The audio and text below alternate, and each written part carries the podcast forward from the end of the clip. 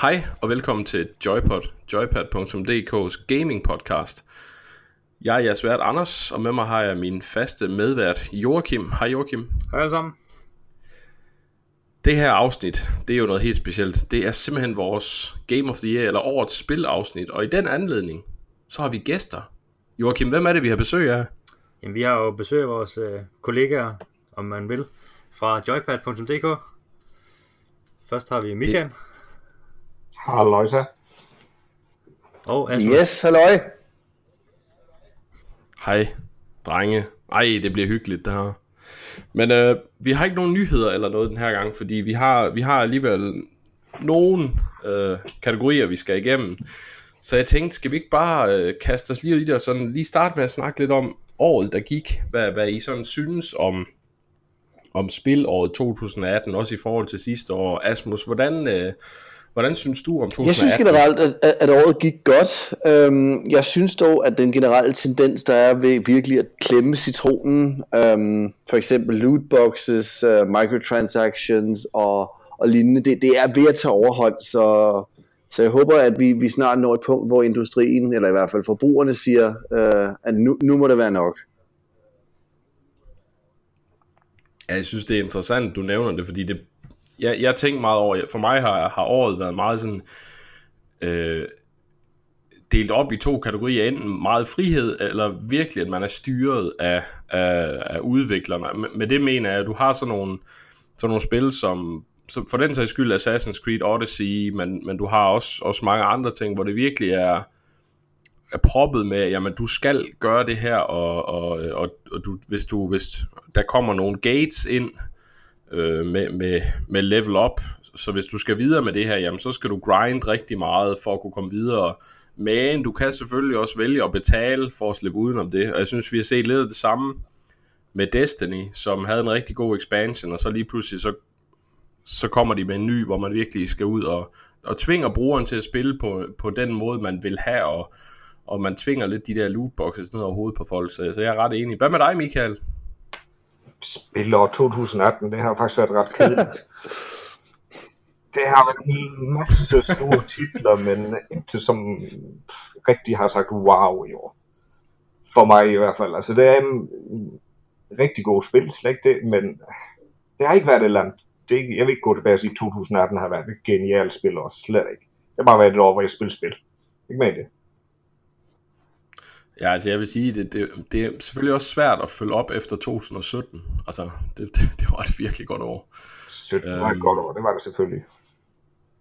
Joachim, hvordan, hvordan har 2018 været for dig? Jeg synes faktisk, det har været, det har været udmærket. Øhm, jeg synes, der kom nogle, nogle gode titler, eller expansions også. Øh, nu nævner du selv Destiny, som jeg øh, også selv har været, øh, været dybt begravet i. Øhm, og, og der synes jeg faktisk, at, at det har været okay. Øhm, ja, må vi se, hvad, ja, hvad det bliver til.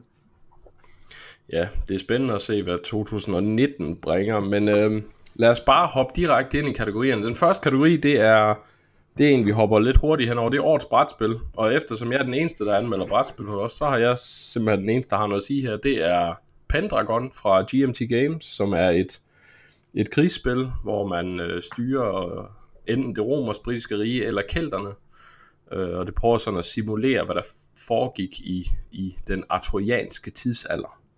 Det er meget komplekst, men også øh, en rigtig fed oplevelse. Så det har vundet det.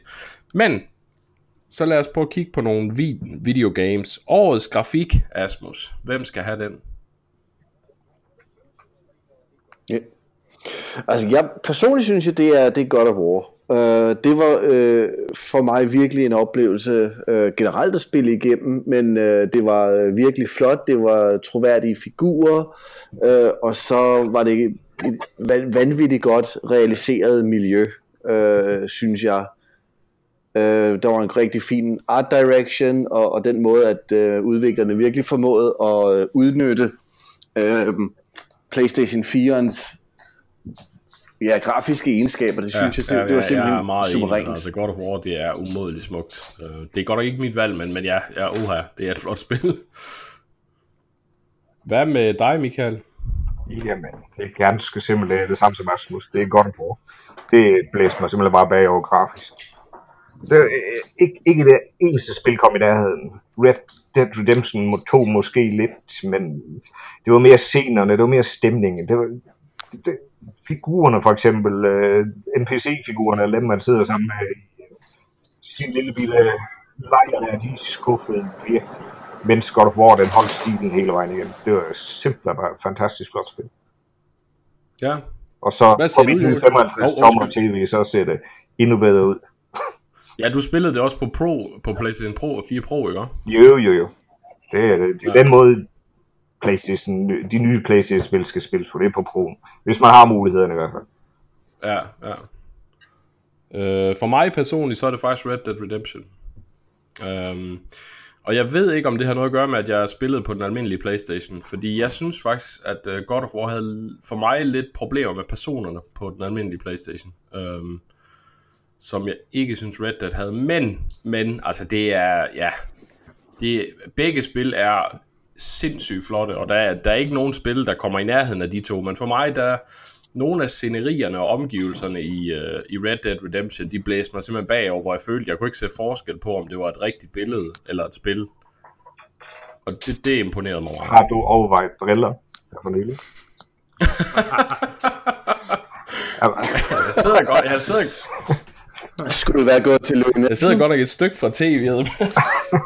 Jeg vil spekulere bare på, det, er rigtig nogle af scener, der er virkelig flot, og det ser realistisk ud, og det ser rigtig godt ud, men mens andre scener simpelthen bare bryder fuldstændig fra, hvor det ser, ja, det ser virkelig ud som et helt andet spil i nogle, nogle steder. Det er mere, det er, atmosfæren i spillet er rigtig flot. Når solen står op, og den falder, går ned, og det er virkelig flot, men så har du andre scener, som simpelthen bare falder fuldstændig igen. I det er min smag i hvert fald, som jeg siger. Ja, jamen altså, øh, ja, altså jeg, jeg, jeg ved ikke, jeg kunne rigtig godt lide grafikken i Red Dead, jeg, jeg, jeg synes det var virkelig flot, øhm, men altså, det, ja, den er svær ikke, fordi God of War, noget af det, der imponerede mig mest ved God of War, det var, altså God of War har jo altid haft de der store monstre, ikke? Men i det nye God of War, der følte jeg også, de blev interessante, hvis det giver mening. Altså for eksempel hende der heksen, der bor under den skildpadde. Altså den måde, det hele var animeret på for noget, det var meget imponerende. Det er helt klart. Altså, jeg, p- p- personligt tror jeg, jeg tabte underkæben der, øhm, lidt da, da Midgårdsormen sådan begyndte at bevæge sig i, i baggrunden. Altså, det var en, et kæmpe objekt, der bare bevægede sig rundt uden nogen tydelig øh, udfordring på maskinen. Ja, det var meget imponerende. Det var det. Det var det. Hvad med dig, Joachim? Jamen, øh, jeg har ikke rigtig, eller jeg har ikke spillet øh, God of War, så det kan jeg ikke udtale mig om. Øh, så, så jeg er enig med dig i Red Dead, øh, eftersom det er en af de flotteste, jeg har spillet i år. Ja. Ja. Altså, ja, God of War, det, ja, det, det, det må du få spillet på et tidspunkt. Det er sådan et must play, tror jeg. Ja, det, det kommer på et tidspunkt. Der har været meget Men CT så- i år. Så lad os hoppe videre til næste kategori, og her har vi årets lyd. Øh, Joachim, hvilket spil har imponeret dig mest? Det kan både være musikken, det kan være stemmeskuespil, det bestemmer du egentlig lidt selv. Ja, det er sådan en af dem, jeg havde lidt svært ved, synes jeg. Øhm, ja, altså, jeg jeg ved det ikke rigtigt faktisk. Øhm, kan vi ikke, ved du hvad, tag en af de andre, så vender vi tilbage til den. Ja. Hvad med dig, Asmus?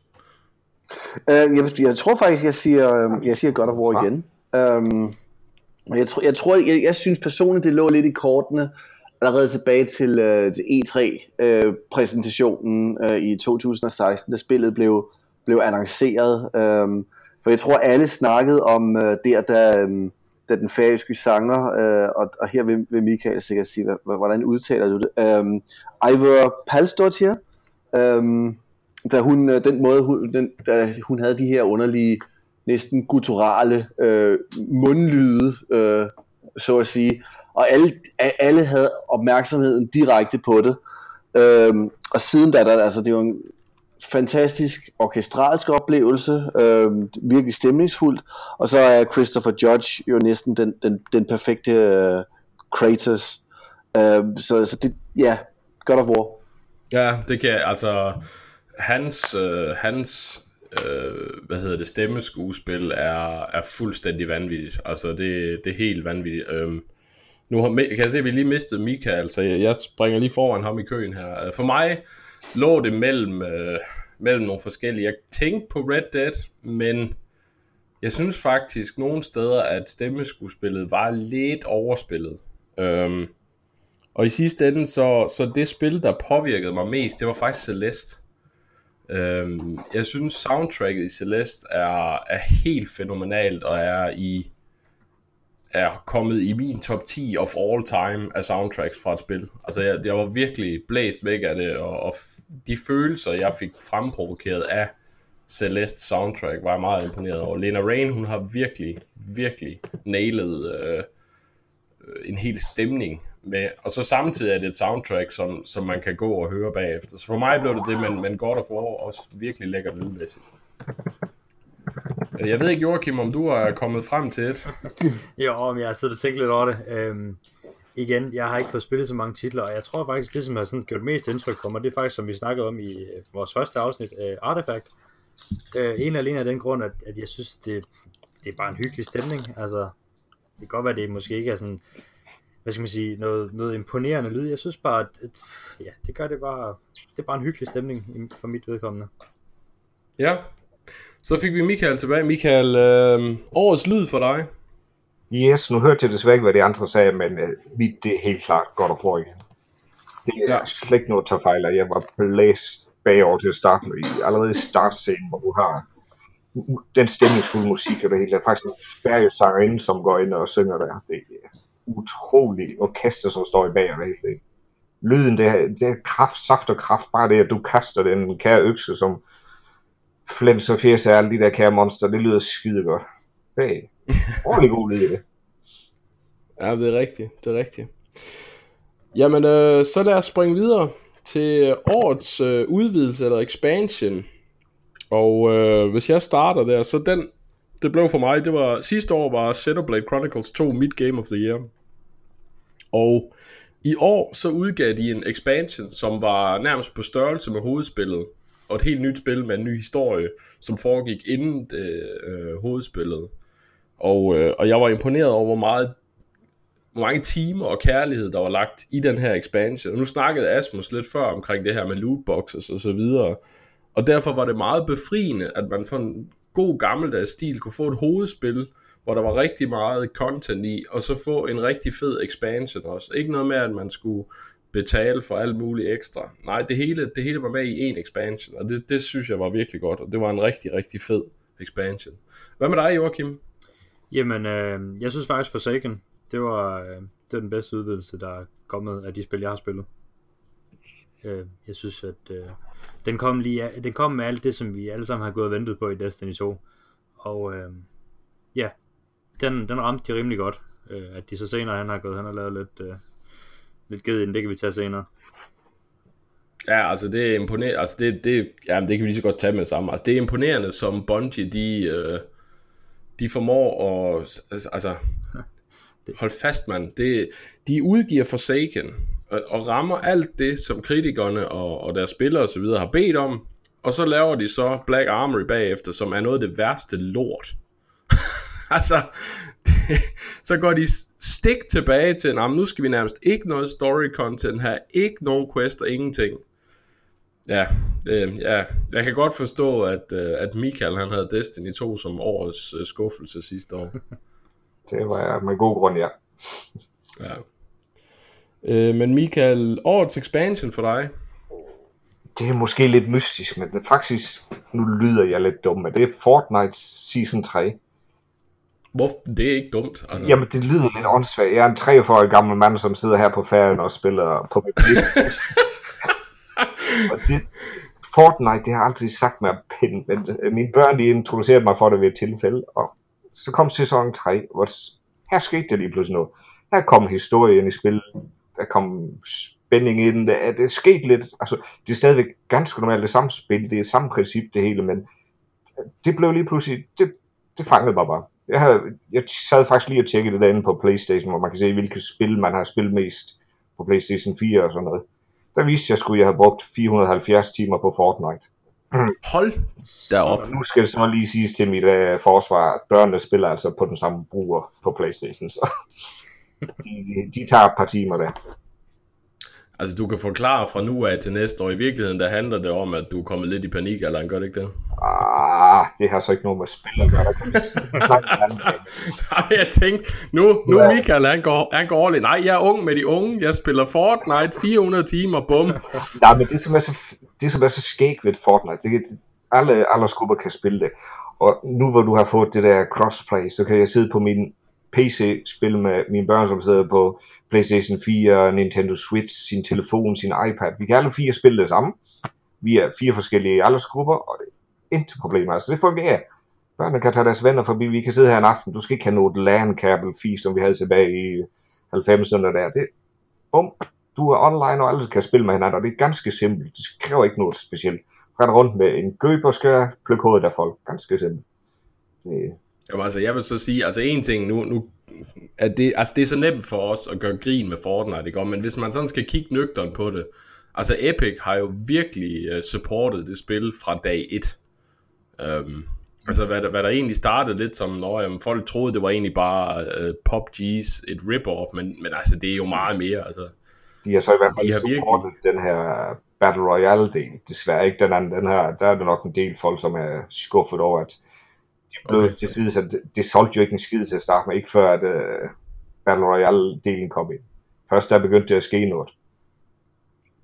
De var jo næsten Men ikke, altså jeg, de kan da sagtens, i fremtiden tænker jeg da nok, de kan lave noget, hvor, hvor de to øh, modes smelter mere sammen. Altså det virker jo til, at, altså nu er der også kommet det der, hvad er det, det hedder, creative mode, eller hvad hedder Yes, det? det er akkurat Minecraft. det er Minecraft-fænomenet, som de har smidt ind over her, ja. Og det er sgu på. Men det, ja, det er da fint. Altså jeg, jeg synes det, altså hvis, hvis Fortnite kan blive sådan en slags nyt Minecraft, bare meget mere, øh, med mange flere muligheder, eller hvad man kan sige, med, med mere gameplay, øh, med mere sådan, Ja, mere nu, fokus, jamen nu altså. ser jeg mere Fortnite som et fænomen. Det, det, det er akkurat op i tiden nu, og det forsvinder hurtigt. Jeg spillede det, var, det var, som jeg sagde, jeg spillede det i, i sæson 3, 4, og så lidt af femmeren her, måske har været med. Men det var bare for at se, hvad det var, og man blev bit, og det var ganske simpelt. Du kunne tage de joysticks her og spille en halv time, så har du spillet nogle spil, og du, du skulle ikke finde en historie. Det var, altså, det var ganske simpelt. Det var bare hyggelig tidsfordrev. Ja, men ja, det gør jo heller ikke noget. Altså, Okay, og Nogle gange skal et spil jo også bare-. Det er så det. ja, jo jo. Øhm, Asmus. Årets expansion. Ja. Årets expansion. Um, jeg ved ikke, om, om jeg bliver øh, kontroversiel her. Um, Assassin's Creed Origins Curse of the Pharaoh. Um, fordi at uh, jeg, jeg tror, det bedste, der er sket for Assassin's Creed-serien, det er, da de opdagede, at, uh, at, at det her det er en computersimulation, så vi kan jo sådan set næsten gøre, hvad vi vil. Uh, og når så siger jamen, uh, gamle Ægypten, lad os smide mumier ind. Og det, det synes jeg, det, er- det, det er faktisk reddet serien for mig, at de, uh, de, de har uh, opdaget, jamen altså, vi kan jo næsten gøre hvad som helst i det her univers, fordi det er Ja. virtuelt. Uh, og det, det synes jeg ærligt talt, det, det er næsten hvad de skulle have gjort fra starten af. Uh, bare gå, gå fuldstændig amok med, med virkelighed og fantasi og blande ind i et miskmask. For det, der, er jo ingen, der er jo sådan set ingen, der bekymrer sig om den, uh, den moderne fortælling, som de prøvede at, at bygge op øh, i de, de lidt ældre spil. Det var sådan lidt, åh oh, gud, nu skal vi kigge på Desmond og, og alle de andre igen. Nu er det bare sådan lidt, nå ja, husk nu bare gutter, det, det foregår i fremtiden. Men her er en minotaur, og her er en hydra og, og, og alt det andet. Så det, det synes jeg, det, det hjælper. Ja. Jamen, jeg, jeg tror også, det er et, et, et, et, godt træk af dem, at de har sagt, nå jamen, nu, nu går vi all out. Altså, nu, nu skal vi have det sjovt med det, øh, i stedet for, at vi har en eller anden rigid øh, historie, vi skal følge. Fordi den, som du selv siger, altså den der historie, de havde i 1 og 2, altså, der var, for det første var der jo ikke en, altså, ja, det kan godt være, at jeg er dum, men jeg, jeg opgav at følge med i, hvad, der, hvad de egentlig var, de prøvede at fortælle med den historie. Så jeg tror, det nye her er et bedre move. Øhm, men så lad os øh, bevæge os videre til, til, en, til en lidt mere deprimerende kategori. Årets skuffelse, eller årets ringeste, eller begge dele. Det er sådan lidt op til jer. Michael, Hvad er det værste, eller det mest skuffende, du har spillet i år? Altså det værste, jeg sidder faktisk og spiller det i øjeblikket, og er ved at lægge en anmeldelse klar til. ja, tak. I griner. I skulle have haft det spil. Et spil, der hedder Cabela the Hunt til uh, Nintendo Switch, eller Nintendo Wii kunne det lige så godt være, for det er virkelig rigtigt. Grafisk og spilmæssigt, ja, jeg, ved ikke, jeg føler mig sat tilbage til Nintendo Wii. Fuldstændig. Ja, jeg ved ikke. Det er nogen, som forsøger at tjene kassen på at smide uh, et gammelt spil ind på en ny konsol. Og det er fuldstændig tåbeligt spil. Hvis jeg skal gå på jagt, så skider jeg skulle ikke sidde med min Nintendo Switch og kigge på nogle blokker, som skal skydes. Altså, det er så tåbeligt.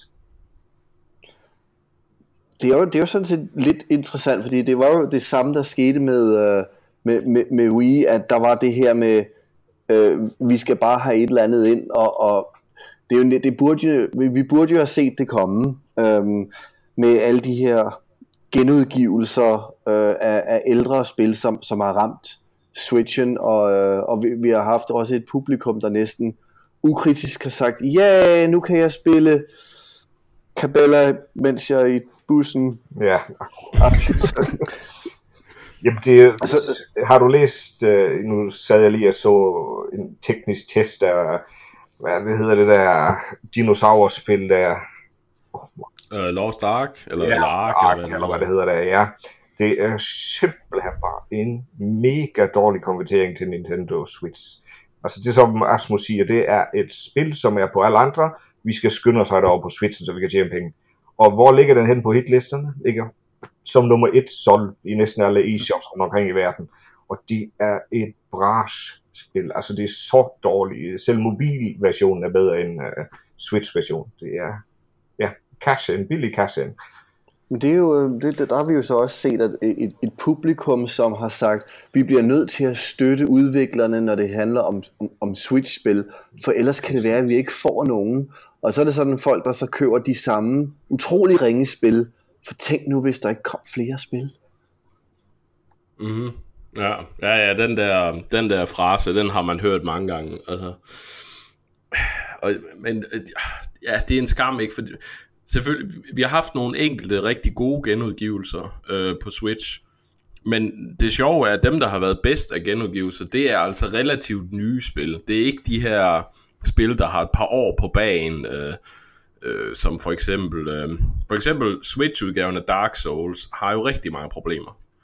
Øhm, og, og, og det samme med det her ark. Altså, jeg, jeg så også nogle klip fra det, og det, ej, hvor er det grimt, altså. Det ligner ham, den der maleren der, som var så kendt i 90'erne, som nu er blevet uh, kendt på YouTube igen, hvor han står og maler malerier, for det, det ligner bare en kunstmaling, mens det andet det ser ud som et eller andet halvfotorealistisk i Unreal. Det gør det ved Gud ikke på Switch. Jeg tror, mine børn kan tegne og lave bedre grafik end det der. Det er fedt, og så når man starter... Ja, men altså, der er jo heller ingen tekstur. Her hvis man, hvis, Nej, det er håbløst. Øhm, Men det er sådan det ringeste det... spil, jeg har prøvet. Hvis, hvis vi skulle sige skuffelse, så må jeg faktisk være ærlig og sige, jeg kan godt nok give det 80 i karakter, men Red Dead Redemption 2, jeg ved ikke hvorfor, jeg føler bare, at spillet skuffede mig. Jeg føler det som om, at jeg skal rende rundt og vaske tøj og hakke brænde og alt muligt i spillet, i stedet for at rende rundt og være gangster, eller ikke gangster, cowboy og slå folk ihjel. Og jeg, jeg blev sgu en smule skuffet. Det må jeg godt nok sige. Det, jeg, var, jeg kan godt lide spille, og jeg har spillet det stadigvæk i ny og det, men nej, det er sgu ikke lige det, jeg havde håbet på. Jeg ved ikke hvorfor. Øh, jamen, så det er jo en fin lille vej ind til min skuffelse, fordi mit, mit årets skuffelse, det er også Red Dead Redemption 2. Øh, jeg elskede etteren, og jeg, jeg synes også, altså jeg synes toeren er vanvittigt flot. Øh, jeg synes også, historien er ganske fin. Øh, men jeg føler bare, at at her tale om nogle udviklere, der fuldstændig har tabt sutten omkring, hvad, hvad, hvad et spil skal være. Altså det, der er lagt så mange vægt på, hvorvidt hestene skider korrekt efter, at de har spist hvad for noget mad, og hvordan deres boller de øh, skrumper, og at nu skal du endelig sørge for, at når du skærer hovedet af den her øh, hjort, jamen så skal det foregå i den rette tid, og du skal bære den hen til til din hest, og så hvis du har den liggende for længe på hesten, så bliver den røden, og så Altså, og, og så samtidig så er styring under al kritik for 2018. Jeg ved ikke, at der er nogen, der siger, at ah, men det er bevidst, og det skal være tung. Jo jo, men i God of War har du en tung styring, men den er responsiv. Så den der argument, det falder fuldstændig i jorden. Så for mig, altså Red Dead Redemption 2, det meget imponerende, hvad, hvad arbejde de har lagt i det, men jeg synes godt nok også, de har lagt arbejde de forkerte steder for en stor del. Det er jo også et spil, som har været i produktion snart i, hvad var det, 8 år, det tog for dem. De er ja, begyndt at producere det, altså det mærkes tydeligt i mange styremetoder og forskellige i spil, at det er sådan noget, som er blevet forbedret mange gange i andre spil. Det er blevet gjort meget smartere og meget nemmere i andre spil, mens det Red Dead Redemption 2 føles som om det er et sidste generations spil. Det startede sikkert ja, allerede som det. Enig. Øh, men hvis jeg skal tage årets ringeste, så har det faktisk, øh, anmeldelsen ligger på joypad.dk, hvis I vil høre mig øh, skælde gevaldigt ud over spil. Det er Sword Art Online Fatal Bullet. Jeg havde ingen forventninger til det, fordi øh, den anime, og, og ja, jeg er en af dem, der ser anime er til. Det kan jeg lige så godt indrømme. Øh, men den anime, som er, som er, øh, der er grundlag for det her, det er simpelthen det værste inden for anime. Altså det er en lille teenage-dreng, der er helten, der skal redde det hele, og alle kvinder har øh, patter på størrelse med Christiansborg. Øh, og spillet formår at, at rendere de her patter korrekt i forhold til serien, og det er så også det. Fordi hele spillet foregår i en grå by, og så kan du så gå ud i en ørken, hvor der er nogle sten, og det er lige så grimt som Ark på Switch. Og så er der et skydesystem, hvor du kan skyde nogle kakalakker, som også er grimme, og styringen er elendig. Styringen er så dårlig, at, at Red Dead Redemption virker til at have en fabelagtig styring i forhold til. Altså det er virkelig, det er så dovent et design, og så meget, så tydeligt, at man bare har tænkt, om det her, den her serie, den har så mange fans, det er lige meget, om det er det arveste lort, vi udgiver. De skal nok købe det. De skal nok købe det. Og det, ej, det, ej, jeg blev så sur. Nå, øh, Asmus. Ja, øh, jeg, jeg har lidt det samme øh, ved, ved at være så sur. Øh, Fallout 76. Åh, oh, ja.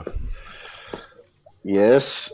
Um, men altså, det var jo... Øh, jeg kunne godt lide Fallout 4. Lad, lad det være sagt på den. Jeg, har, jeg kunne også godt lide Fallout øh, 3 og jeg kunne lide, øh, jeg kunne lide øh, Obsidians Fallout øh, New Vegas. Lad det være sagt, jeg kunne lide dem, jeg havde ikke noget imod det, jeg kunne godt lide at rende rundt og, og samle skrald ind i øh, ødemarken, og, og, og en gang imellem måske bygge et lille øh, hus og skråt. Øh, men, men der var, der, der var et, et, et gameplay loop, som, som jeg kunne lide. Um, Fallout 76, øh, hvis jeg ikke vidste bedre, så virker det som om, at, at spillet, altså alt der, øh, de, de kontroverser, der har omgivet spillet, det virker som om, der har været en konkurrence indbyrdes i Bethesda om, hvem der hurtigst kunne ødelægge øh, en, en, en spilseries omdømme. Øh, spillet, det var, der var tonsvis af glitches, øh, du, øh, altså det var bare det, hvis, hvis, hvis du gør noget for hurtigt på serveren, så crasher du den. Øh, folk kan, Jamen det, øh, hvis, øh, hvis du laver en øh, byttehandel med en anden spiller, så kan du rent faktisk stjæle hans øh, våben, selvom det ikke skulle lade sig gøre. Øhm, de havde jo så, øh, jeg vil så, så også indrømme, at jeg har haft næsten mere glæde af at følge øh, alle kontroverserne eksternt, så det er øh, pludselig opdaget folk jo, at øh, deres øh, Bethesda support system øh, der kunne de pludselig se andre brugeres øh, spørgsmål, og det var jo måske billeder af en bong, som de havde uploadet, eller de fire sidste cifre i et kreditkort, eller en adresse, øh, hvilket jo er, altså jeg ved ikke, om de også selv har kodet det system, det lyder det som om. Øhm, jamen altså det, generelt, der har det bare været en, en, en beslutning efter beslutning, hvor man må tage sig til hovedet, og så bare tænke, tænke jamen, øhm, Øh, er I ude på at dræbe en serie, eller er, er, er det bare et, et eksempel på, at der er så meget grådighed lige der, at de sådan set har været ligeglade. De skal bare have en hurtig omgang dollars, inden julehandlen er færdig. Ja, det virker sådan. Øh, jamen altså, hele den der uh, Fallout 76 og Bethesdas, uh, jeg vil kalde den Taskegate, uh, øh, altså det er jo den gave, der bliver ved med at give. Altså jeg tror ikke, vi har hørt det sidste endnu i den sag. Det er jo, altså det, ja, det er jo det er helt vildt. Øhm, altså man, man, jeg troede Blizzard, de tog kagen ved at gå op på deres main stage til BlizzCon på deres afsluttende øh, headpoint og så annoncere et mobilspil præcis på dagen, fire år efter, at de lavede en aprilsnar om at udgive Diablo mobilspil. Jeg tænkte så, drenge, nu, nu har I taget kagen, well done. Og så kommer Bethesda og siger, nej, nej, nej, det kan vi godt gøre bedre. ja. Nå, altså det er, det er jo imponerende, og det, det er jo næsten noget, som påvirker folks forventninger øh, fremadrettet. Altså nu, nu der vil så sikkert være noget mere afdæmpede forventninger til, det, til et nyt uh, Elder Scrolls, som i formentlig er en genudgivelse af Skyrim til uh, mikrobølgeovne. Uh, og, og, og, og, og længere fremad så det her um, Star rumspil, som, som de åbenbart Star, Starfield, Starfield, uh, Star et eller andet, som de har um, jo arbejdet på i, i, i overvis, og som formentlig vil have de samme øh, sjove bugs, som de har haft siden øh, øh, Morrowind. Så øh, jeg, jeg håber folk efterhånden er ved at lære, at lad nu være med at, at forudbestille, og lad os lige se, se tiden an, inden vi begynder at smide penge ukritisk efter et firma, som så åbenbart så tydeligt ikke har forbrugernes øh, bedste interesser i, i, øh, i sinde du sagde ellers et genialt navn, at du sagde Starfields. Altså, nu glæder jeg mig at skulle se Starfisketorv. Det bliver sgu et kanonspil. De er bare ud til dine penge alligevel, så hvad fanden. Det er en handel. Altså det, der undrer mig mest ved Fallout 76, det er, at sidste år, der udgav de, var det ikke sidste år, eller forrige år? Nej, det var 2016, der udgav de Elder Scrolls Online. Og det kom også ud og mødte en del kritik. Altså, det, det var ikke en bunke rygende lort som, som Fallout 76, men det, det, det var trods alt ikke super godt. Så valgte de at gå ind og sige, at vi redesigner spillet, og i dag er det øh, vel sagtens måske det bedste uh, online uh, øh, MMO, der er på markedet. Og de har designet, netop fordi de har designet det omkring det, folk godt kan lide, en masse øh, lov til bare at gå ud og udforske og blive belønnet for det, og finde nogle quests og så videre, og så kan du bare gøre det med dine venner. Og da jeg, da jeg hørte om Fallout 76, sagde jeg, selvfølgelig er det det, de gør. Altså de tænker, at det folk vil have, det er, at jeg kan rende rundt og lave quests og så videre, og udforske verden i Fallout sammen med mine venner. Ja, men nej. Øh, men øh, en, en, eller anden, en eller anden inde ved Bethesda tænkte, nej, nej, nej, folkens, fordi vi får, prøv lige at lægge mærke til, hvor buggy vores lort er hver gang vi udgiver det, og vi får brygende gode karakterer. Det må være de boks, de elsker. Så nu laver vi simpelthen en tom skal fuld af lort. Og så skal de altså, nok jeg tror, mit, mit, mit største problem er næsten, at der er nogle, der er nogle kerner af nogle, nogle, nogle gode ting i spillet, som jeg tager. Altså, selve det her øh, West Virginia område der, der var, der var nogle områder, hvor jeg tænkte, oh, det var sjovt. Der var en, en hjemsøgt øh, sådan ferielejr, hvor øh, pludselig billederne begynder at rotere på væggene, og Øh, der er så, så også nogle monstre, som pludselig popper op. Jeg går ud fra, at det var meningen, og ikke en øh, utilsigtet bug. Um, men men, men der, var, der er kerner og små idéer, hvor man tænker, der er en eller anden, et eller andet sted, som rent faktisk har været, der har tænkt over noget, der har, der har lagt en lille smule kærlighed i det, og, og, og det er så stadigvæk pakket. Altså det er som at, at, at gå på... Øh, gå, gå, øh, dykke i en septic tank efter en 5 krone. Altså det, den er der et eller andet sted. Øhm, men det er fandme ikke behageligt at finde den. Det har jeg sgu ikke prøvet nej, nej, det, ja, det, det lyder meget, øh, ja, jeg kan godt følge dig. Jeg er glad for, at det ikke var mig, der skulle anmelde det lort, men du bad ja, jo selv om det. det har jeg så også fortrudt efterfølgende. øh, Joachim, ja. årets skuffelse eller ringeste spil? Ja, det er sådan set ikke så meget et spil, det er mere en udgivelse, eller hvad hedder det, expansion, udvidelse. Øh, det må være Destiny, Black Armory. Øh, mm. Ja, jeg kan ikke komme på andet. Jeg synes simpelthen, at øh, ja, den har de, det har de ødelagt godt og grundigt, som jeg også snakkede om før. Øhm, ja, jeg synes, det er ærgerligt, fordi jeg, jeg kunne faktisk rigtig godt lide Destiny, og jeg håber, de kan nå at rette op på det i, i, i senere expansions, men, øh, men jeg tvivler. Så. Ja, ja, jeg ved ikke, hvad der er sket der for Bungie, altså det, eller om, om hvorvidt Activision har noget med det at gøre, men, men, men altså i, i Forsaken, altså alene det, at i Forsaken, de fandt ud af, okay, vi er nødt til at have noget til dem, som spiller Destiny i ny og næ, men vi skal også have noget content for dem, som af en eller anden uforklarlig årsag spiller Destiny 12 timer i døgnet. Ja. I Black Armory, der tænkte de så, hej venner, vi skal kun have noget til dem, der spiller Destiny som det eneste spil, og nærmest som livsstil. Og så glemmer vi alle de andre. Øh, jeg kan, jeg kan simpelthen ikke forstå, hvor de synes, det var en god idé. Nej, jeg har svært ved at se det. Øh, altså, man kan sige, det er selvfølgelig godt nok, at der kommer noget til, til dem, der sidder og spiller Destiny meget, men, men det er bare som om, at, at vejen derop til, øh, til at man ligesom kan komme op og nyde godt af den her øh, DLC, der er kommet, den er ligesom bare for, den er for lang. Øh, ikke, ikke svær, fordi det er ikke svært at gå ind, det er bare for, det er bare for grindy. Altså man skal bare ind hver dag og løse de samme quest og de samme ting. Og for mig der ødelægger det det bare, at altså, jeg, er ikke, jeg har ikke super meget tid til at, at sidde og spille øh, 12 timer øh, i dagen. Øh, men øh, det, det, altså, så bliver det sådan noget med, at man går ind og spiller en time, og så har du løst øh, ja, en quest, og så, åh, ja, så gider man faktisk ikke rigtig mere alligevel.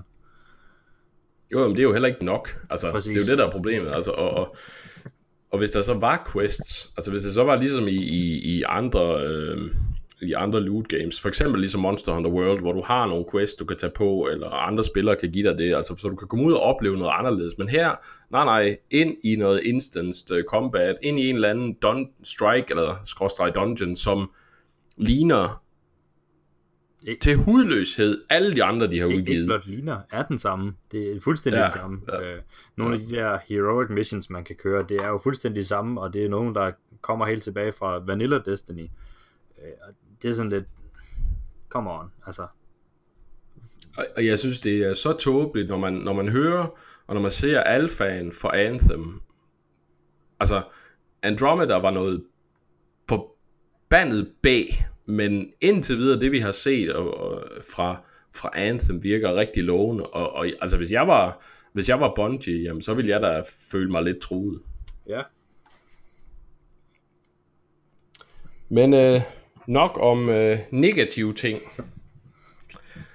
Årets Outsider, og med det der mener vi øh, et spil, som vi har brugt, brugt rigtig meget tid på i 2018, men som ikke nødvendigvis er udkommet i 2018. Det vil sige, at det kan godt være udkommet før, eller det kan være i early access, eller sådan noget. Så det, så det er en titel uden for 2018 som sådan, men som vi har er blevet rigtig fænget af øh, den her gang. Joachim, hvis du begynder med den. Ja, øh, jeg tror faktisk, at øh, altså det, jeg har brugt mest tid på, det er nok uden tvivl Heroes of the Storm, for det ikke skal være løgn. Øh, ja, det, øh, ja, der var på et tidspunkt, der, der fængede det mig rigtig meget, og jeg vil sige, øh, ja, jeg kan godt gå ind og spille det i ny og næ øh, nu, men, øh, men det er som om, at, at nu er gassen gået lidt af ballonen, men, men ellers så, altså, jeg har brugt mange timer på det, og jeg synes faktisk, det var, det er et rigtig godt spil. Det hjælper selvfølgelig heller ikke, at Blizzard så går ud og siger, at uh, nu trækker de udviklere til de andre projekter væk fra Heroes of the Storm. Altså. Nej, det er det. øhm, for mig, der har det været et spil, der hedder Feria, øh, som er et, et digitalt kortspil. Dem kan jeg jo godt lide. Øhm, det, jeg synes, der er interessant ved Feria, det er, at det øh, tilføjer et element af, af bræt. Altså, du har, du spiller sådan nogle små øh, hexagonale landområder ud, og de er både der, hvor du skal placere dine øh, units, men det er også samtidig dem, der danner din, din mana, altså det, du bruger til at spille din kort ud med. Og på den måde, så tager de egentlig øh, øh landsystemet fra Magic, men fjerner det tilfældige element og flytter al, øh, al beslutningsdelen og strategien over på brugeren. Og det giver et rigtig spændende spil. Samtidig så er det det eneste digitale kortspil, hvor du køber spillet, og så får du alle kort. Altså det vil sige, du, du betaler for spillet, og så har du egentlig alt det content, der er i spillet. Det eneste, du så kan købe, øh, ud over det, det er kosmetiske ting, men dem kan du også tjene ved bare at spille spillet. Så det er en ekstremt færre model. Øh, desværre er spillet ikke så populært som Hearthstone, Magic, Artifact og så videre, men, men jeg synes, hvis man, altså for mig har det været, er det klart, det er kortspil, jeg hele tiden vender tilbage til. Øh, Asmus? Uh, ja, uh, jeg tror, jeg, jeg, jeg, jeg vender hele tiden tilbage uh, til uh, Terraria. Øh, både, på, både på PC, men også på min, uh, på min Playstation. Det, det, er, det er et spil, som, som uh, er blevet øh, supportet sådan set indtil nu med, med små opdateringer. Der er nye, nye fjender, der er nye materialer, der er øh, nye stykker udstyr, der er nye bosser. Øh, og, og det er det, det er sådan set et spil, der har over, overgået Minecraft øh, for mig. For hvor Minecraft, det, det virker som om, de ikke helt ved, hvor de egentlig vil hen med det. Det er sådan lidt, Nå, nu gør vi noget ved vandet, og nu tilføjer vi en, en kat, og så kan du måske have et æsel. Og det er sådan lidt, de, de, de har ikke nogen rigtig tydelig retning for det, så de, de giver lidt af hvert, mens Terraria sådan set næsten fra dag 1 har været Øh, der, der har været en, en form for, for øh, fremskridt i det, så nå, nu, nu kan du gøre det her, og så kan du gøre det her, og bagefter kan du gøre det her.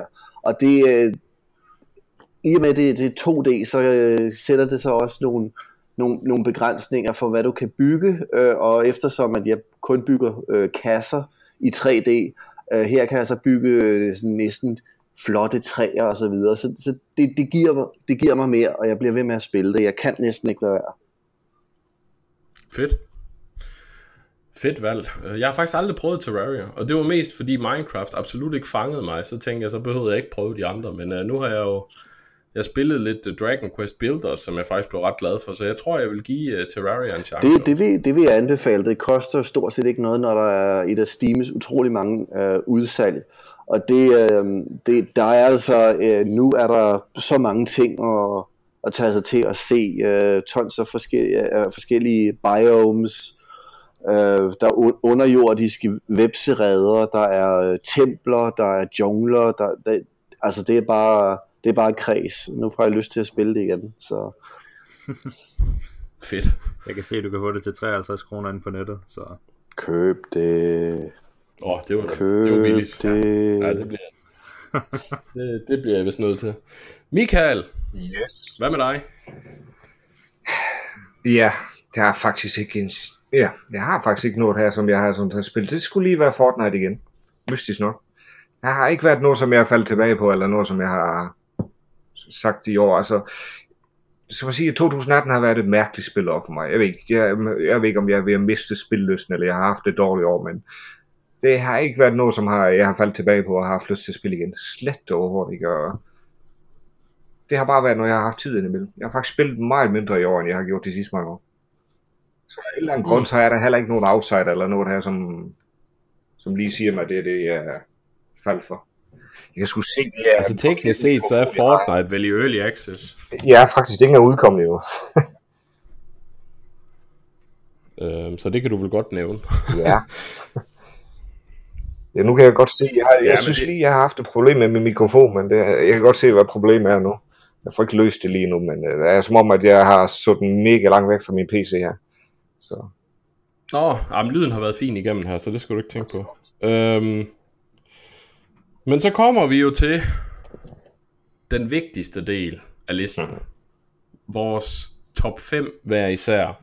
Eller vores top 3 blev det til, undskyld. Øhm, og hvis vi starter med tredjepladsen, så har jeg på tredjepladsen, og nu får jeg nok skæld ud, men jeg har på tredjepladsen, har jeg God of War. Øhm, og jeg tror delvist, at det ikke er højere op. Det skyldes, at jeg ikke blev helt færdig med det. Øh, men, men for mig var der ingen tvivl, da jeg spillede det. Det skulle på min liste. Øh, det er en helt fabelagtig oplevelse.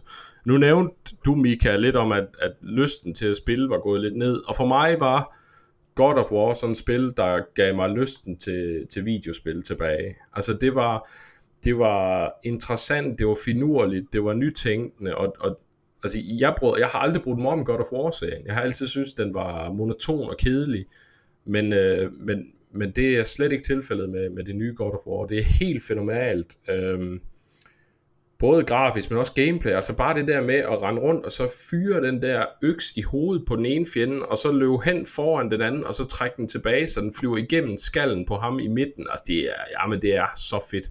Og så samtidig er historien fænomenal. Altså det er noget af det bedste spilhistorie nogensinde, efter min mening. Øh, øh, stemmeskuespillet er fantastisk, grafikken er fantastisk, musikken er fantastisk, og så er hvor de gamle God of War-spil, synes jeg altid var meget dystre, og ikke rigtig ture at bruge farver som sådan, så er det her utrolig farverigt, og, og den, den måde, det fremstiller Midgård på, er, er helt umådelig smuk. Så for mig er nummer tre uh, God of War.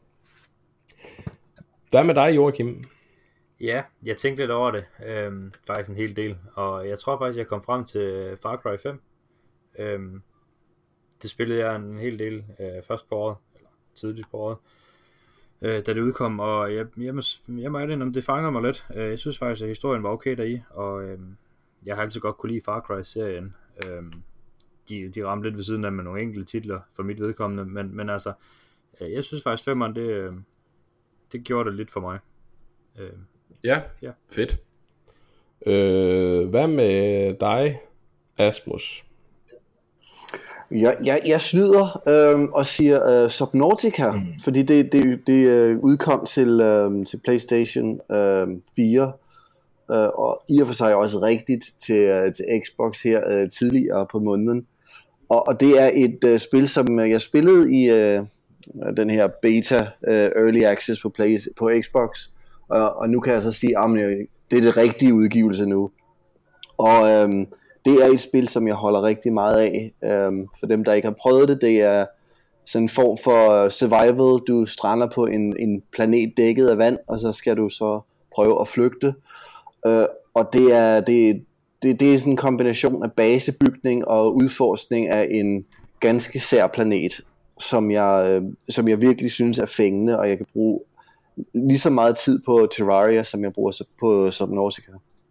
Øh, ja, havde vi lavet en top 10, så havde Subnautica også været med for mig. Det er helt fænomenalt. Øhm, på, på den måde, som, som det formår at blande øh, overlevelse og ja, i anførselstegn city building nærmest, eller basebygning og, øh, øh, og udforskning. Jeg synes, det er, det er så kreativt og, og et virkelig genialt spil. Altså, jeg, jeg elsker Subnautica. Det er så fedt. Øh, og, og det er virkelig et spil, der der inviterer til at udforske, synes jeg. Altså den der undervandsverden, den er så unik og kreativt designet, og, og alle de muligheder, man har for at bygge ting og, og, og samle mærkelige ting, og bare, bare svømme rundt og scanne de forskellige livsformer, er, er en fornøjelse. Virkelig, virkelig et fedt spil. Ja, det, det, det har jeg virkelig nyt, og jeg var så glad for at se, at det udkom i en, en lidt pænere version på, øh, i hvert fald på, på Playstation. Øh, nu har jeg ikke rigtig nogen PC, så jeg har været bundet af, hvad der udkommer til konsollerne, og det er, øh, det er bare kreds. Jeg fik et par øh, de her øh, Playstation Gold øh, headset her øh, for noget tid siden, og at spille med dem, og så de her undervandslyde, det er, det er så skræmmende. Jeg, øh, når der kommer en af de her kæmpe Leviathans, øh, monstre større end en bus, der pludselig kommer ud af dybet, så, så skal man godt nok øh, lige koncentrere sig for ikke at skulle have nye underbukser på. Ja, det er så scary. Og, og det er sjovt ikke, fordi altså, hvis man ser de der monstre øh, sådan uden for spillet, bare på screenshot, så tænker man om, det ser sådan lidt tegneserieagtigt ud, men, men måden de sætter stemningen, både med ambiance og, og, og, og musik, og de lyde, de der monstre laver, og, og den måde, de bruger øh, hvordan de angriber, det gør, at det er sindssygt effektivt. Altså, jeg, jeg må også sige, jeg, jeg har hoppet op af min stol et par gange. Øhm, Michael, nummer 3. En tredje plads for mig, det er faktisk et spil, som er fra 2005. Et spil, jeg havde, helt havde glemt. Men øh, det var Shadow of the Colossus. Jeg synes simpelthen var det et fantastisk spil ja, den nye udgave, som udkom her til Playstation, den ser skide godt ud, og den fanger den gamle atmosfære, der helt er et fantastisk spil. Man, så jeg kan spille det er også noget med flere det. gange, altså jeg har gennemført det så mange gange efterhånden, men det er stadigvæk en virkelig speciel oplevelse. Det er også noget med, at det kører mere stabilt i den nye udgave end oprindeligt, også? det, jeg er faktisk ret ligeglad med, hvor stabil spil kører. Jeg er 43 år gammel, jeg skræmte skulle sælge. Jeg er sgu ret så ligeglad. Så det, det, jeg lægger ikke altid mærke til det der frame pacing og fis og ballade, som man altid snakker om, og det, begge spil kører, har kørt fint for mig. Jeg kan da godt se tilbage på det gamle 2005 udgaven på min Playstation 2, og det var sgu ikke lige det mest kompetente spil, hvis man kigger på det i dag, teknisk. Men øh, det, er, øh, yes, det kører godt, og det, det fungerer, som man siger. Ja, jeg har desværre, desværre aldrig fået spillet Shadow of the Colossus, det må jeg indrømme. Det er også en, en synd, jeg ved jeg har forsømt et atmosfærisk smukt spil, som der bare fortæller en historie igen atmosfære, i stedet for igen uh, action scener og sådan noget. Det er atmosfæren, og det er stillheden, og ja, det er, det er bare en oplevelse. Det skal opleves, før man kan ja, føle det, eller forstå, hvad det er, man mener med det. Ja, spændende. Øh, så når vi til andenpladsen, der kan du jo passende starte, Michael. Hvad er nummer to for dig? Det er så Spider-Man. Jeg, jeg synes Spider-Man-udgaven, som kom til PlayStation 4 her, det var et rigtig godt spil. Det overraskede mig en del, faktisk så meget, at jeg fik mig et platin-trofæ til det. Noget jeg normalt ikke går efter, men jeg har åbenbart et eller andet kære samlermani. Når jeg først går i gang med at samle nogle ting i et spil, så fortsætter jeg sgu ikke til at samle hele lortet. Og det er nok en af grunden til, at det er mange spil, som ikke bliver gennemført 100% for mig, for det. Jeg har sgu ikke tid til det. så simpelt. Men lige Spider-Man, det, der, det var ganske simpelt. Det, det er ikke det helt store krav.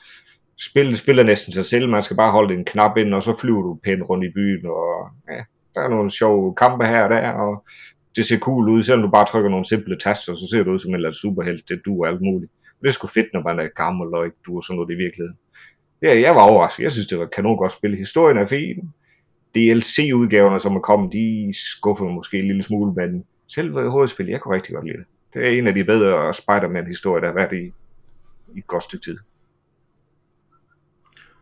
et godt Spider-Man computerspil er også noget, vi har manglet, må man sige. Mm-hmm. Altså. Superheltespil, sgu ikke på træerne. Vi skal, det er Batman, som er noget af det sidste, som har været det. Her er sgu ikke rigtig noget superheltespil. Nej. Så jeg håber en del på, at Avengers her snart udkommer, og det er noget, som kan levere varen, ligesom filmene gør. Men, men det, var også, ja. det var også lidt, som vi snakkede om, Anders, øh, en dag, at det er svært at rigtig lave, føler jeg, et, et ordentligt superheltespil, som får dig til at føle, at du er superhelten, men uden at du bliver for, hvad kan man sige, uafvindelig, øhm, og at du ikke bliver for, altså, ja, at det ikke bliver for svært for dig heller. Øh, det er sådan en, en, en balancegang, man lige skal finde, øh, og det er da fedt at høre, at Spider-Man det kan levere det, synes jeg. Det gjorde det i hvert fald for mig. Det var klart indrømme. Det... Ja, enig. Øhm, for mig, min nummer to er Dragon Quest 11. Øh, det eneste lille minus, jeg har ved, ved spillet, det er egentlig musikken, og det er i MIDI. Øh, men, men bortset fra det, så, så synes jeg, at, øh, at Dragon Quest 11 var en helt fantastisk oplevelse. Det starter egentlig sådan virkelig traditionelt med, med øh, den her øh, ene...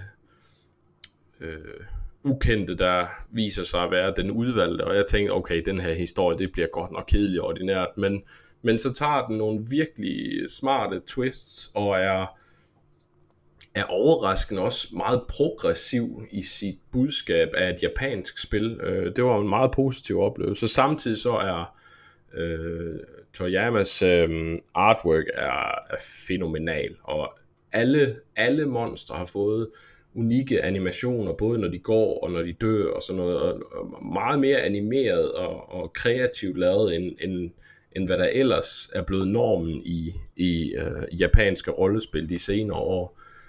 Øh, stemmeskuespillet var fænomenalt, øh, og øh, ja, historien overraskede mig som sagt virkelig positivt. Jeg kunne rigtig godt lide den. Karaktererne der med er, er sjove og interessante og hyggelige, og det var et spil, som som jeg, som jeg har brugt rigtig mange timer på, og som, som jeg virkelig varmt vil anbefale. Min, selv min, min kone kan, er normalt ikke en, der sådan for alvor spiller, og, og slet ikke japanske spil. Hun, hun synes, det, det er noget mærkeligt lort. Øh, men med det her, der har hun siddet på sofaen ved siden af mig, og også selv spillet med øh, hele vejen igennem, og blev vildt fanget af det her spil. Øh, simpelthen fordi historien og, og figurerne var så interessante og sjove og, og, og finurlige. Så så ja, min nummer to er, er Dragon Quest 11. En meget, meget positiv oplevelse for mig. Og lidt synd, synes jeg, at det, at det sådan virker, som om det falder lidt under radaren de fleste steder. Mm. Øhm, men øh, Joachim, Ja. din nummer to. Ja, det er sådan lidt en sjov en, fordi jeg har jo for nylig her blevet, blevet lidt optaget af PS VR. Øhm, og derved kommer min nummer to også, og det bliver simpelthen Astrobot Rescue Mission. Øh, det har taget mig lidt med storm. Jeg synes, det er et genialt spil. Øh, det er rigtig hyggelig atmosfære, og, og det tager mig tilbage til, til de gamle Ratchet Clank, øh, bare i, i VR. Og øh, ja, jeg synes bare, at atmosfæren er, det, det er helt fantastisk. Øh, så, så derfor har jeg valgt det som min nummer to. Øh, det kan varmt anbefales, hvis man har PlayStation VR, vel at mærke. Øh, så, så det, det, Hvor- Hvordan, fun- altså, hvordan udnytter den VR-delen sådan gameplaymæssigt? Jamen, det gør det ved, at, at det er dig, der er, hvad skal man sige, det er dig, der er kameramanden i det her. Du er en robot, der, øh, hvad skal man sige, sådan en hovedrobot, der følger rundt efter den her lille øh, astrobot, der skal, skal rundt og, øh, og redde sine venner. Øh, og så skal du simpelthen ja, bevæge dit, dit headset for at se de forskellige kameravinkler. Der kommer nogle klipper, du skal se bagved og, og læne dig frem for at, at se nogle ting og undvige nogle øh, projektiler, der kommer fra nogle forskellige øh, fjender og sådan nogle ting. Øh, Jeg synes faktisk, det gør det rigtig godt. Spændende. Øhm, Asmus, din nummer to. Jeg tror, min nummer to er, øh, det, det er Spider-Man. Ja, og, og det var simpelthen fordi, at øh, det, ja, som, som vi tidligere har, har nævnt, det er et, et super godt superheltespil. Øh, det ligger op til en toer, hvor jeg håber, vi ser øh, øh, kombinationen af Dr. Octopus og Venom, ligesom i det gamle PlayStation 1-spil. Øhm, men men, men det, det havde en god historie. Der var øh, følelsen af at svinge rundt i New York var øh, fantastisk. Øhm, min kone, som lige er kommet hjem fra New York, hun så det og, og fik næsten hjemve, så jeg, jeg tror uh, mission accomplished. Uh, og det, det øh, altså jeg, jeg, jeg spillede det igennem og tænkte, det var fedt, uh, og jeg glæder mig til at, at se, hvad de, uh, hvad de uh, laver mere, fordi uh, jeg tror, det, det efter uh, Batman sådan lidt, jeg synes, det faldt på halen med uh, Arkham City, uh, nej, Arkham Knight, undskyld, Uh, så er jeg glad for at se, at der er nogle andre, der kan overtage og lave rigtig gode superheltespil. Ja. Ja, det er fedt. Altså, jeg, jeg glæder mig meget til at få prøvet Spider-Man. Jeg har ikke haft mulighed for at prøve det endnu, men, men det er helt op på min ønskeliste. Uh, det ser virkelig, virkelig godt ud. Uh, og jeg elskede Spider-Man, netop som du siger til PlayStation 1, så Du kan ønske dig et kostume til jul, så kan du rende rundt og tro, du er Spider-Man. Har det allerede. Åh, ja, men uh, hvad jeg bruger det til, det snakker vi ikke om. Uh, men nu, nu er vi nået til, uh, til det, det hele handler om førstepladserne. Og uh, Asmus, hvis du starter dit årets spil 2018, hvad er det? Jamen, øh, det, det, det, det må være øh, God of War. Det var, øh, det var, det var virkelig en, en, øh, en, en, en kraftpræstation af, øh, øh til, til, til PlayStation 4. Øh, fantastisk historie, fantastisk grafik, øh, fantastisk gameplay. Jeg var underholdt fra, fra start til slut. Øh, hvis jeg havde lyst, så kunne jeg fortsætte med at spille det med øh, det her, den her labyrint fyldt med, med, med gas, hvor man kan grinde. Øh, jeg, altså det, jeg, jeg synes, det, er, det har været det, et lysende eksempel på, at spilbranchen stadigvæk har gode singleplayer oplevelser. Det er ikke hele går op i uh, Battle Royales og uh, uh, Always Online oplevelser og uh, microtransactions osv. Det her, det er det, det er eksempel, der siger, vi kan stadigvæk nå at, at, at skifte i en anden retning. Det behøver ikke alt sammen at, at, at, at komme ned på, hvor mange penge vi kan, vi kan presse ud af forbrugeren. Enig. Fedt. God of War, som Asmus' nummer et. Michael, ja. er du enig? Altså, jeg vil sige, det kan kun være et spil, og det er Cabela the Hunt. Det må det være. Nej, det, jeg vil faktisk sige, det er, ja, nemlig. Nej, faktisk, jeg, jeg har været lidt i tvivl af, men når jeg tænker tilbage på spillet, så er det helt sikkert God of War. Der er ikke noget til at fejle af. Det, det er det spil, som jeg har brugt mest tid på, og har haft, tænker bedst tilbage på. Altså. Jeg, jeg sidder lige nu og spiller, og faktisk ved at skrive anmeldelse, jeg har længe spillet mig igen det, men anmeldelsen er sgu lidt svær at skrive. Det er Super Smash Bros. Ultimate. Det er et kanonspil. Det skulle faktisk være med på listen her, men jeg ved ikke, det, det er igen ligesom Super Mario Galaxy. Det, det giver mig spilglæde og spillelysten tilbage. Det er et meget simpelt spil. Det er et partyspil, men det fortjener sgu en, et eller andet sted at være på listen. Jeg fik det desværre ikke færdigt her til i dag, men ellers så God of War, det er, som Asmus siger, det er et fantastisk spil. Igen, det genoplever, det genoplever singleplayer genre. Du behøver ikke alt det der fis, som man har i dag med online og Battle Royale og alt, som alle andre de hopper på den bølge der. Her er et spil, som simpelthen bare er klar at gå tilbage til rødderne og ja, genopleve sig selv. Jamen God of War er fænomenal. Altså det kan der ikke være, det kan der ikke være to meninger om. Det må det være, du smider det på en tredje plads, og en eller anden mening må det være øh, jamen jeg synes det er fænomenalt, men det fik også tredjepladsen. Altså der er jo, der er jo øh, førstepladsen for mig er en meget, et meget personligt valg.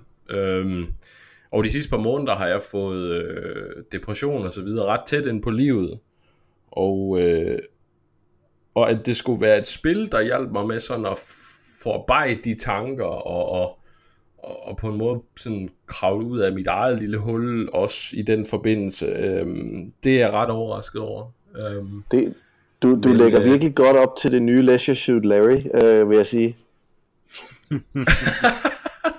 ja, ja, nej, nej, det var det hjalp mig med nogle andre ting, men øh, men lige det her, der var det øh, Celeste øh, var en øh, en helt helt vanvittig oplevelse for mig. Øh, jeg øh, jeg havde Super Meat Boy og øh, Binding of Isaac og den slags spil. Det siger mig ikke noget. Jeg er ikke god til dem, og, og det, er ikke, altså det er ikke det, der er normalt. Men Celeste øh, var, var et spil, der bare fangede mig med det samme.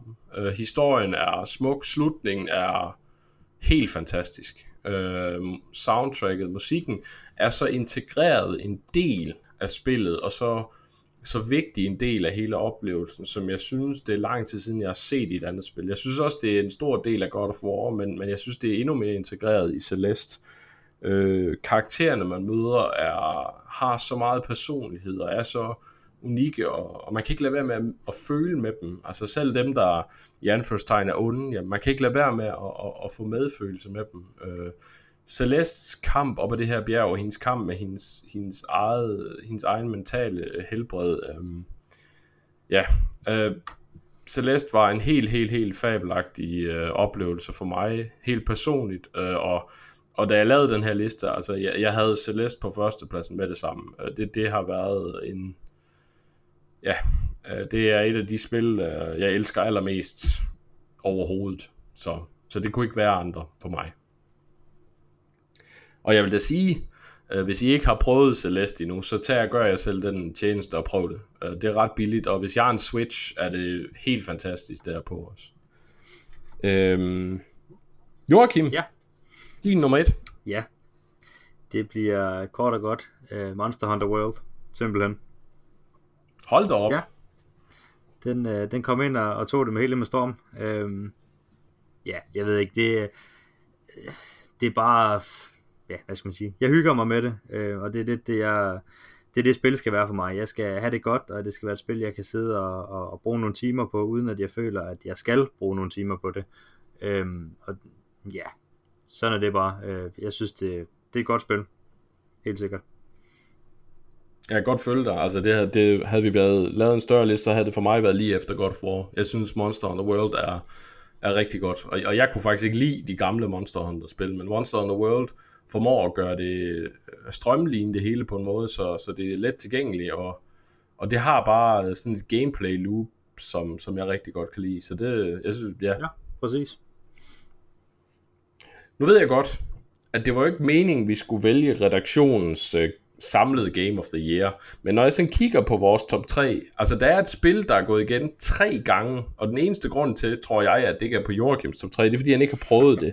Så vi kan vel godt tillade os at sige, at joypad.dk Game of the Year, det er vel God of War, er det ikke det? Selvfølgelig er det da det. Det kan da ikke være andre spil. Øh, så det synes jeg, vi vedtager her. Øh, Joypad.dk's Game of the Year, det er God of War, og det er, som I har sagt, det er en, en, en rar afveksling i en tid, hvor selv singleplayer-oplevelser er fyldt med online, og, øh, og det hele skal være open world, og der skal være en milliard sidequests, som egentlig er fuldstændig ligegyldige, og der skal bare være en masse ligegyldig content. God of War, det er bare så fokuseret en oplevelse, og det er en sjælden fornøjelse. Præcis. Jamen, øh, det var alt for denne gang. Øh, tag og kig ind på joypad.dk for vores øh, nyeste anmeldelser. Der kommer snart en anmeldelse fra Michael på det nye Smash Bros., som jeg ser frem til at læse, for jeg blev lidt skuffet over Wii U-udgaven, så jeg håber, jeg håber, at den her udgave er bedre. Øh, så kommer der snart... Du kan se, jeg siger, du kan godt se frem til det spil, for det er klart en forbedring over Wii U udgave. Og du kan også, du kan også se frem til anmeldelse af Cabela-spillene. Både, både, Jamen, det gør hånd og så det der fiskespil. Um, jeg har ikke glemt at nævne jeg, jeg var så dum, da jeg tog de anmeldelser her. Jeg troede, at The Hunt og Fishing, det var et spil, men det er kraftedet med to spil, jeg skal sidde og med. To spil, som får min Wii Switch til at brænde. Du siger Wii igen, men jeg tror virkelig altid, at det er Wii-spil, jeg sidder og spiller. De er så ringe, det er ufatteligt. Altså med de screenshots, jeg har set, så er det heller ikke, øh, så ligner det også Wii. altså, det er som at, ja, det er som at se Helle Thorning Schmidt med makeup på. Det er ikke pænt. Sorry.